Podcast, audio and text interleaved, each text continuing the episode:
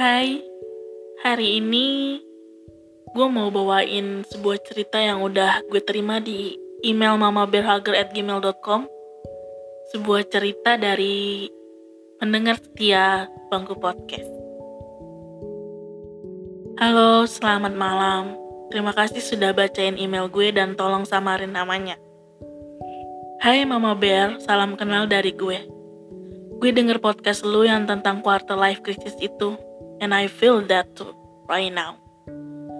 Gue sekarang berada di fase di mana gue selalu merasa gagal dan kurang. Apa pun yang sedang gue kerjain, apa pun yang lagi gue handle, pasti selalu gagal dan jauh dari ekspektasi.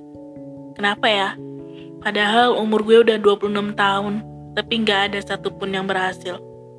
Nggak ada, mam. Gue bener-bener udah mau nyerah tentang semuanya. Gue coba untuk googling dan mencari jawaban atas keresahan yang sedang gue alamin. Gue terlalu malu untuk berbagi sama teman-teman bahkan ke psikiater. Gue takut orang tua gue malu kalau tahu bahwa anaknya lagi nggak waras. Saat gue masih sekolah, gue terkenal dengan anak yang pintar dan rajin. Semua guru-guru memuji gue dan bilang bahwa gue bakal jadi anak yang sukses nanti. Tapi apa kenyataannya? Berbelas tahun kemudian, I'm nothing now, hopeless and desperate. Bilang ke gue kalau semua yang udah gue lakuin tidaklah sia-sia dan tidaklah buang waktu. Dan tolong juga yakinin gue kalau gue sudah bekerja keras dan kegagalan yang ada hanyalah sebuah proses. Please, I really need that much. Really.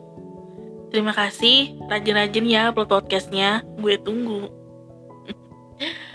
Terima kasih, hai untuk kamu yang namanya tidak mau disebut.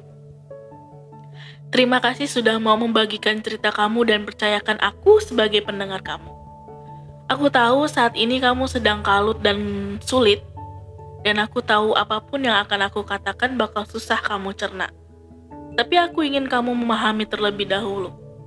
Di sini, aku menempatkan diri aku sebagai kamu.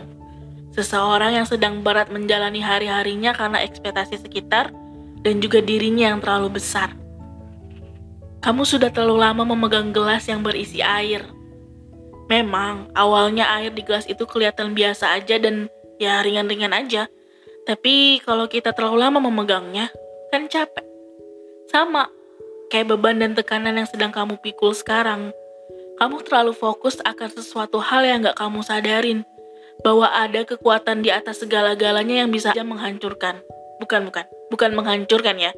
Tapi lebih ke menggantikan menggantikan sesuatu yang kamu mau menjadi sesuatu yang memang sedang kamu butuhkan. Ya, katakanlah semua orang memujimu, menyanjungmu dengan segala kata-kata manisnya. Memang manis sih terdengar. Tapi secara tidak langsung, alam bawah sadarmu itu menjadikannya sebuah tekanan yang luar biasa untuk dirimu sendiri.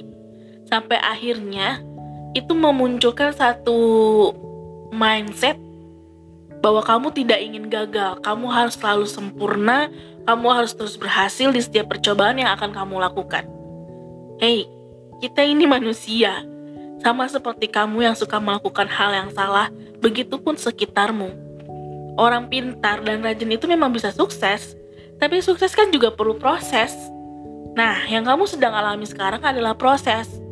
Proses supaya kamu belajar, belajar menerima bahwa semua yang terjadi dalam hidup bukan hanya tentang keberhasilan.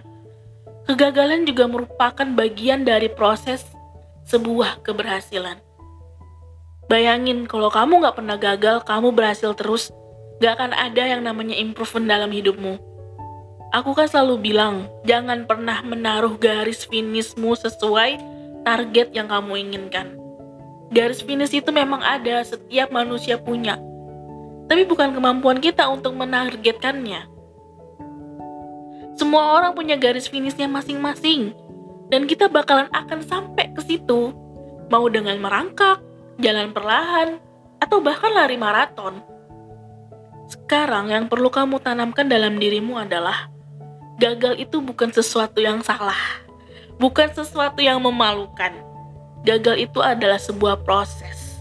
Jika kamu ingin sukses, yang harus ngerasain itu dulu. Bodoh amat dengan pencapaian-pencapaian yang orang lain lakukan, dengan tekanan-tekanan yang orang lain berikan. Sejauh ini kamu sudah melakukan yang terbaik, sudah menjadi yang baik, dan kamu adalah versi terbaik kamu setiap harinya. Berhenti tuh boleh, tapi ya jangan lama-lama. Kalau hati dan pikiranmu sudah kuat, kamu bisa melanjutkan apa yang seharusnya kamu kerjakan. Sekali lagi terdengar selalu klise ya, tapi semangat. Suatu saat kamu akan noleh ke belakang dan kamu akan berterima kasih atas dirimu yang dulu. Karena kalau dia tidak seperti itu, versi terbaikmu di masa depan tidak akan pernah ada. Oke? Jaga kesehatan karena itu hal yang paling penting dari apa pun. Jaga makan, jaga hati, dan jaga diri. You're such a great and amazing person. Do you know that? I love you.